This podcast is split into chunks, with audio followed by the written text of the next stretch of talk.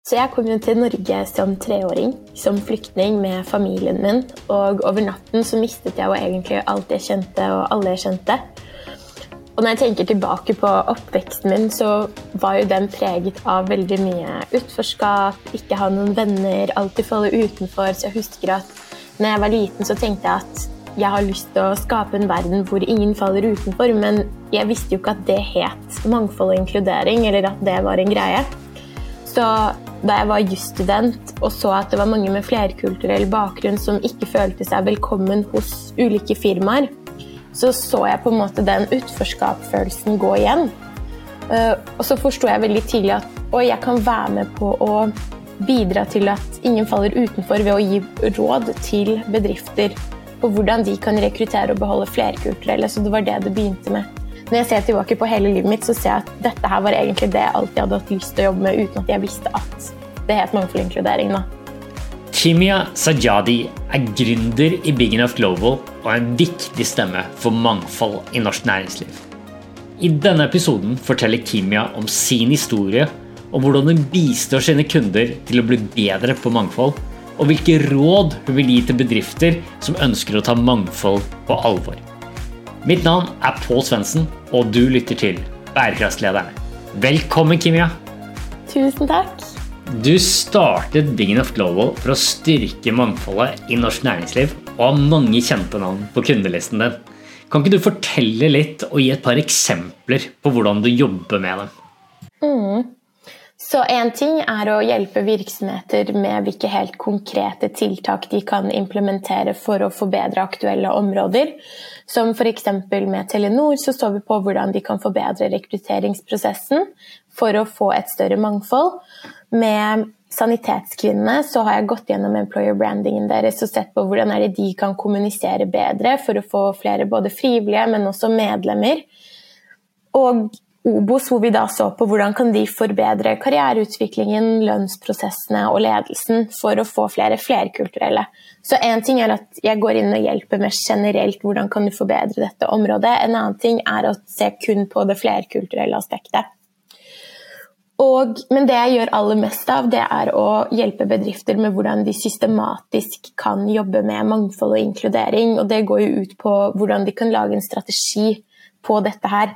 For det jeg ofte ser når jeg kun er inne på tiltaksnivå, er gjerne at det ikke blir implementert fordi det ikke er en del av et større system. Men noen har jo det systemet på plass og trenger kun hjelp til tiltakene. Så ja. Og kan du se, Ser du noen sånn fellestrekk eh, mellom kundene dine om at det er noe som skjer i organisasjonen, det er en situasjon i organisasjonen som trigger dem til å til å ta kontakt med deg, til å ta tak i dette feltet? Jeg tror fellesnevneren er jo at de tenker at nå er det på tide at vi jobber med dette her. Det, det, er liksom det, men jeg vet ikke hva Jeg kan ikke si hva som leder opp til det, fordi noen kan jo ha en toppleder som er sånn Dette her må vi prioritere. Mens for andre så handler det om aktivitet og redegjørelsesplikten som er en lovpålagt plikt til å jobbe med likestilling og ikke diskriminering. Så det kan være en annen grunn. Og en tredje grunn er mer at du får en HR-direktør på plass som har et brennende engasjement for dette, så da plutselig blir det løftet opp. Så det er veldig forskjellig hva som er grunnen til at folk er sånn Nå skal vi jobbe med det. Det er interessant å høre. Um, og altså, Jeg regner med at i den oppstartsperioden siden 2018 så har du, så har du lært mye. Um, hva har du lært om mangfoldsarbeid i næringslivet i den oppstartsperioden, og hvordan har du tilpasset dine tjenester um, i forhold til det? Så kanskje det viktigste jeg har lært, er at jeg som konsulent må ha en aktiv rolle i å følge opp. Fordi mangfoldsarbeidet gjerne blir nedprioritert. Så jeg ser med mine kunder det at de vet at jeg kommer tilbake om to måneder og fire måneder, og det at vi har på en måte en deadline på noe de skal gjøre innen jeg kommer tilbake, det har bidratt til at har bidratt til å øke sannsynligheten for at de tingene vi planlegger, faktisk blir gjort. Så på starten så hadde jeg ikke noe oppfølging, og så etter hvert så hadde jeg oppfølging etter seks måneder. Og det sa jeg, det, det var bare tull. Så jeg måtte liksom begynne å følge opp tettere og tettere, så nå følger jeg opp etter to og fire måneder. Så det er det første. Det andre er at jeg har sett at mange virksomheter mangler tid. De har allerede veldig mye å gjøre. Så en tilpasning jeg har gjort der, er å lage tidseffektive prosesser. Og leve litt etter den tankegangen at det er bedre å gjøre lite, men gjøre noe i det hele tatt, enn å ikke gjøre noe fordi du skal gjøre alt perfekt. Og det tredje er kanskje at ofte de som jobber med mangfold og inkludering i bedrifter, i mange tilfeller, hvis ikke toppledelsen er med, så står de ganske alene. Så det å vite at en av mine viktigste oppgaver er faktisk å være en støttespiller, sånn at ikke de mister motet. Det er jo ikke naturligvis en av de første tingene man tenker på når du skal gå inn og lære om mangfold og inkludering, at du må på en måte være en supportive coach. Men jeg har skjønt at det er, det er ganske viktig. da. Og til slutt det her med at virksomheter må jobbe systematisk med det. fordi Med de kanskje ti første kundene mine så jobbet vi med flerkulturelt mangfold. Men igjen så så jeg de manglet noe å hekte dette arbeidet på. Så det er derfor jeg har gått over til å lære virksomheter mer hvordan lager du et rammeverk, og hvordan setter du dette i et system. Ja, Det var mye, mye, interessant som jeg har lyst til å grave litt mer i. Eh, jeg syns det andre poenget ditt rundt det å lage veldig tidseffektive prosesser er veldig, veldig spennende. Kan, kan, du gi et eksempel på, på, på, det? Ja, så et eksempel her er f.eks. Jeg sier alltid til kundene mine at de må begynne med å lage et rammeverk som betyr å definere hva mangfold og inkludering betyr, hvorfor det er viktig å sette gode mål. Og det kan man bruke Altså, du kan bruke alt fra seks måneder til to dager på det. Jeg er sånn OK, vi bruker to dager på dette her. Vi bare får opp et rammeverk å jobbe ut ifra. Så kan vi komme tilbake og endre det heller senere. Fordi jeg ser at Hvis jeg sier at vi skal bruke tre måneder på å utarbeide det rammeverket, så sier de nei, men da har vi ikke ressurser til det. Så det er et konkret, konkret eksempel. Og et annet konkret eksempel med dette med, med å være tidseffektiv, det er jo at Forskningen viser jo at ledelsen må være om bord hvis man skal lykkes med mangfoldsarbeidet. Men i flere selskaper jeg har jobbet, så er det kun HR som er om bord. Og da sier jeg greit, men da begynner vi med å forbedre f.eks. For rekrutteringsprosessen. Da. Hva er det vi kan gjøre uten noen måte, økonomiske midler? Hvor kan vi starte? Så det er også et eksempel på liksom, tidseffektivt enn å tenke at ok, nå prøver vi tre år å få med ledelsen, og så ser vi han, på en måte. Ja, ikke sant. Ikke sant. Uh, ja, jeg, jeg, jeg syns også det, det, det, siste punktet ditt uh, rundt uh, systematisk tilnærming er veldig, veldig spennende og, og, og, viktig. Kan ikke du gi et eksempel på, på hvordan du liksom har, har, jobbet systematisk med en virksomhet? Hvordan et sånt forløp ser ut? Mm. Så jeg kan jo ta utgangspunkt i Statens vegvesen IT-divisjonen, der de har jobbet tettest med. Det aller første vi gjorde, var å få ledelsen om bord, og igjen, det er fordi vi hadde mulighet til det. Så jeg startet med et foredrag med ledelsen hvor vi også snakket litt om hva er det som skal skje videre. Så da hadde vi de med fra start. Og så var jeg med på å lage et rammeverk. Nettopp dette med å definere ok, hva betyr mangfold og inkludering for Statens vegvesen IT-divisjonen. Hvorfor er det viktig? Altså hva er business case for oss? Og hva er de målene vi skal ha? Så da satte vi treårsmål. Og hvordan skal vi følge opp og rapportere på dette arbeidet her? Så når vi hadde de stegene på plass, så var det meg og sommerstudenter som jeg var veileder for, skulle ha 20 dybdeintervjuer med folk i virksomheten. Hvor vi prøvde å få innsikt i hva tror de er grunnen til at ikke vi har oppnådd de målene i dag. Og ved å gjøre dette så tok vi jo på en måte en risikokartlegging hvor vi prøvde å forstå hva er problemene som hindrer oss i å komme dit vi har i dag. Så når vi hadde risikokartleggingen, da kunne vi gå i gang med å foreslå tiltak. Veldig mange begynner rett på tiltak uten å vite hva målene deres er, eller hva som er problemet. ikke sant? Og så når vi hadde kommet med forslag til tiltak, så handlet det om å prioritere, fordi vi kan ikke gjøre alt på en gang. Så hva er det som var det viktigste å prioritere? Jeg mener som oftest er det de interne tingene.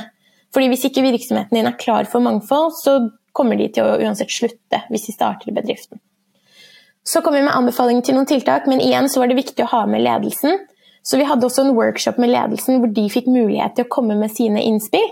Og nå er jo siste steget det vi skal gjøre i, om to uker, å ferdigstille tiltakene basert på også lederne sine innspill. Så sånn har vi på en måte gått helt systematisk fra et overordnet nivå til et helt konkret nivå. Ja, Det er ganske opplagt hvordan en sånn eh, prosess skiller seg fra det å gå som du sier, rett på tiltak eh, og liksom skyte litt i mørket. da. Um, og Du var inne på der at det, ofte så, så syns du det er eh, riktig og viktig å starte med de interne tingene. Kan du fortelle litt mer om altså, hvilke ting er det, og hvordan, hvordan jobber man med, med de? Ja, så For å bare komme med et eksempel. da. En virksomhet jeg jobbet med, de hadde en veldig høy gjennomsnittsalder, og de hadde lyst på unge talenter. Men problemet med den virksomheten var at de hadde ingen arbeidsoppgaver som var f.eks. tilpassa nyutdanna folk. Og da hjelper det ikke å ansette f.eks. meg hvis ikke du har noen oppgaver som er tilpassa meg. Så da er det jo et konkret eksempel på en intern endring du må gjøre der. Og lage oppgaver som er tilpassa folk som er nyutdanna.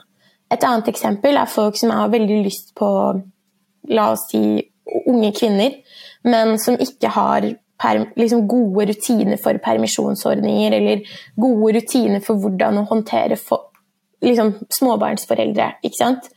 Og da hjelper det ikke å bare ansette folk som er småbarnsforeldre hvis de ender opp med å slutte eller ikke trives. Så, det er, så det er, dette kommer tilbake til den risikokartleggingen. Hva er målet vårt, og hva er det som på en måte ikke er tilpassa den målgruppen i dag? Ja, Det er gode poenger. for Ofte så kan jeg tenke meg det er lett å gå rett til rekruttering. Hvordan gjør vi rekrutteringen bedre? Og så, og så kommer man inn til en organisasjon som, eh, som ikke er klar i det hele tatt. Ja, det er helt riktig. Og Hvilke type resultater ser kundene dine etter å, etter å ha jobbet med deg? Og gir den systematiske måten å jobbe på gir den, gir den resultater som du ser at kunden ikke forventa sånn i utgangspunktet? Mm. Det er jo alltid litt sånn når man er coach, så kommer man jo kommer med masse råd, så er jo spørsmålet følger folk på en måte rådene dine. Men jeg fulgte nylig opp en kunde som heter Formue. Og det de viste til, er at de har fått økt på en måte mangfold i søkermassen, men også ansatt på en måte et økt mangfold. De har fått konkret resultat i form av på en måte større stolthet internt. Fordi igjen, mangfold og inkludering, selv om det bidrar til lønnsomhet, så er det også det riktige å gjøre. Så det har de også, også opplevd, da. Og generelt at de hadde flere unge som f.eks. var innom sidene deres sammenlignet med det som var før. Så de var veldig overrasket, men jeg var jo også veldig overrasket. fordi at det er jo noe med at ja, du kan lese forskning og så gir du råd, men du tror ikke kanskje 100% på det da, før du ser det med dine egne øyne. Så jeg vil definitivt si at uh, ja, det, det har gitt resultater med de som har fulgt prosessen.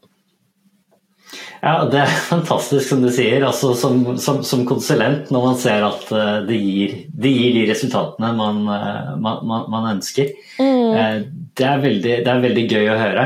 Og det er jo ja, utrolig viktige resultater da, for, for, kunden som du, er, som du er innom der. Mm.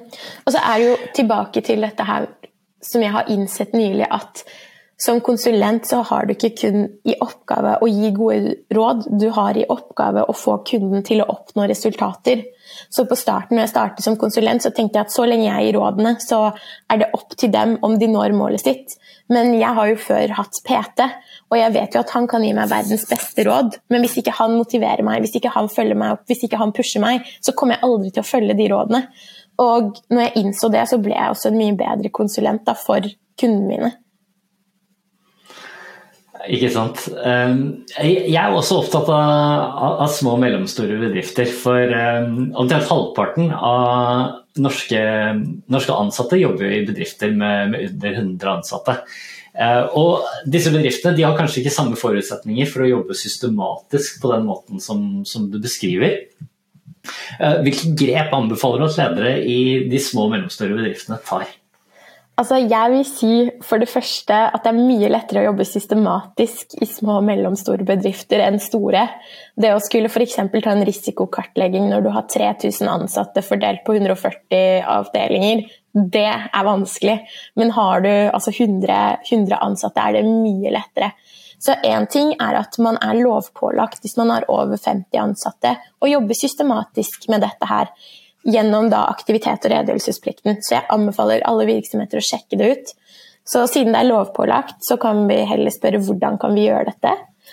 Og da vil jeg si du kan på en måte forstå problemene i egen virksomhet ved å ta medarbeiderundersøkelser, ved å ta én-til-én-samtale, dybdeintervjuer. Og igjen, det trenger ikke å være med hele virksomheten, det kan være med 20 stykker. Du kan arrangere workshops internt hvor dere diskuterer f.eks.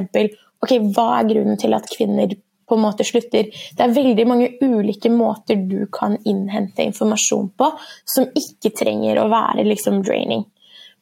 Um, ja, så det tenker jeg man kan gjøre. Gå inn og på en måte forstå problemene i egen virksomhet på den måten. Og så hvis vi tar et steg tilbake, det å definere mål, det å definere hva mangfold og inkludering betyr for dere, det å definere hvorfor det er viktig for dere, og sette en prosess på hvordan vi skal følge opp dette arbeidet, det kan dere gjøre i løpet av to dager.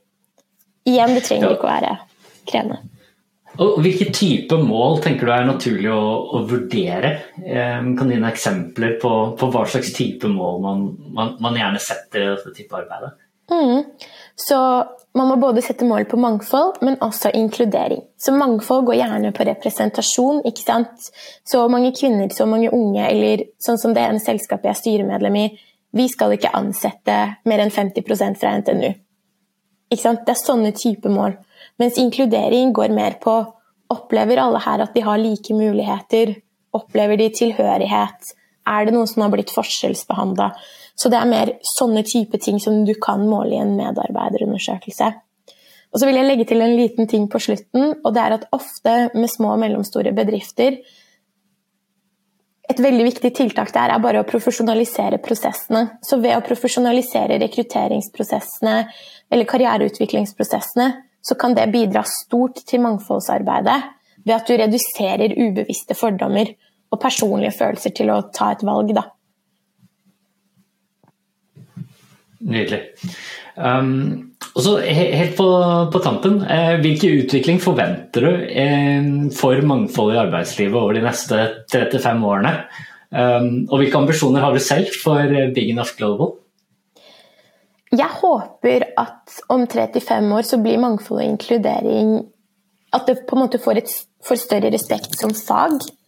Fordi sånn det er i dag, så er det ofte at man oppretter mangfoldsutvalg som ikke har noe som helst kompetanse på dette, som skal finne på ting av seg selv. Og det mener jeg er veldig skadelig for arbeidet. Så det første er at det blir mer kompetansedrevet. Og nummer to så håper jeg at vi er der hvor virksomheter innser at gode intensjoner er ikke godt nok for å oppnå resultater. Du må faktisk gjøre aktive handlinger for å tiltrekke deg og beholde et mangfold. Så det er de to tingene. Og hvilke ambisjoner jeg har for selskapet mitt, det aner jeg ikke. um, hvis vi tar litt tak i det med kompetansebygging, for det tenker jeg er utrolig viktig på dette feltet, og bærekraft uh, generelt. Men uh, hvordan tenker du en, en, virksomhet går frem for å, for å gjøre det internt? Én ting er jo å ha med f.eks. konsulenter og faktisk spørre om råd. Og så er det jo sånn at alle har ikke råd til å få hjelp. Og da kan man jo faktisk lese bøker. Igjen f.eks. på Big Enough Global, på vår hjemmeside, så har jeg lagt ut mange podkaster, artikler, man kan lese det. Man kan lese forskning. Så enten må du på en måte tilegne deg kunnskapen selv, eller så må du hente inn folk som kan gi deg den kunnskapen. Men du, du kan ikke synse deg frem til ting. Det er det verste å gjøre. Kimia, dette har vært utrolig verdifullt. Tusen takk for at du tok deg tid. Tusen takk for at jeg fikk komme. Tusen takk til Kimia. Jeg er mektig imponert over jobben Kimia gjør. Både hvordan hun skaper oppmerksomhet og engasjement rundt mangfold, og hvordan hun jobber med kundene sine og skaper resultater for dem. Jeg anbefaler alle å følge Kimia på LinkedIn og besøke bigenoughglobal.com. For mer informasjon om bærekraftslederne så håper jeg du abonnerer på podden og følger bærekraftslederne på LinkedIn, Instagram og Facebook. Takk for i dag, og på gjensyn.